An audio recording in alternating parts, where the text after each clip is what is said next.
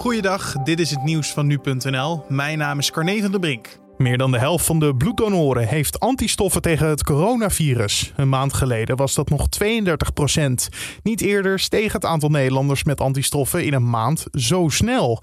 Dat blijkt uit gegevens van bloedbank Sanquin. En dat is goed nieuws. Maar we weten steeds beter dat het hebben van antistoffen ook betekent dat je niet of nauwelijks ziek wordt als je het virus tegenkomt. En niet of nauwelijks besmettelijk voor anderen bent als je het toch een beetje oploopt. Zo was te horen gisteren bij Op1. Omdat steeds meer mensen gevaccineerd zijn, stijgt het aantal mensen met antistoffen snel. Dat is vooral te zien bij ouderen. Sanquin hoopt dat in juli zoveel mensen immuun zijn geworden dat het virus steeds meer moeite krijgt om nieuwe mensen te besmetten. Ruim 100 onderzoekers en hoogleraren in Amerika hebben in een open brief alarm geslagen over de teleurgang van de democratie. Ze verwijzen dan naar de afgelopen presidentsverkiezing. Voormalig president Donald Trump hield na de verkiezingen vol dat hij alleen door fraude van Joe Biden heeft kunnen verliezen. Ook al was daar geen bewijs voor. Om deze negatieve stroming tegen te gaan zou een nieuwe verkiezingswet volgens hen een stap in de goede richting zijn. Maar de wetenschappers willen dat er meer wordt gedaan om alle Amerikanen stemrecht te garanderen en om het verkiezingsproces eerlijker te maken.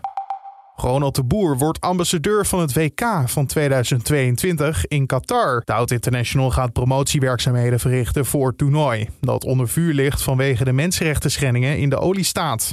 Uit onderzoek van The Guardian bleek dat bijna 7000 arbeidsmigranten zijn overleden bij de bouw van WK-stadions. Sindsdien zijn er meerdere organisaties die landen vragen het toernooi te boycotten.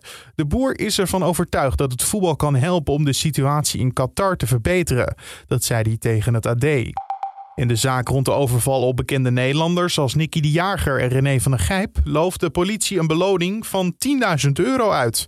Er zitten al zeven verdachten vast, maar de politie zoekt nog meer bendeleden. Dat was gisteravond te horen in opsporing verzocht. Gelukkig hebben wij in december al een deel van deze bende kunnen aanhouden. En bij een aantal van deze verdachten hebben wij ook dure spullen in beslag genomen. Dan gaat het bijvoorbeeld over designertassen, horloges en een Mercedes. En misdaad mag niet lonen. Het waren heftige gebeurtenissen voor de slachtoffers. Bij verschillende slachtoffers is er gebruik gemaakt van uh, messen en van vuurwapens. Er is gedreigd om op mensen te schieten. En sommige van de slachtoffers die zijn ook echt mishandeld. Mensen die meer weten kunnen zich dus melden bij de politie. En nu we het toch over het programma hebben. Opsporing Verzocht hielp de politie vorig jaar beter dan ooit. In 181 van de 372 zaken die vorig jaar door het programma werden besproken, zijn arrestaties verricht. Het opsporingspercentage van bijna 50% is volgens de politie een record. En tot zover de nieuwsupdate van nu.nl.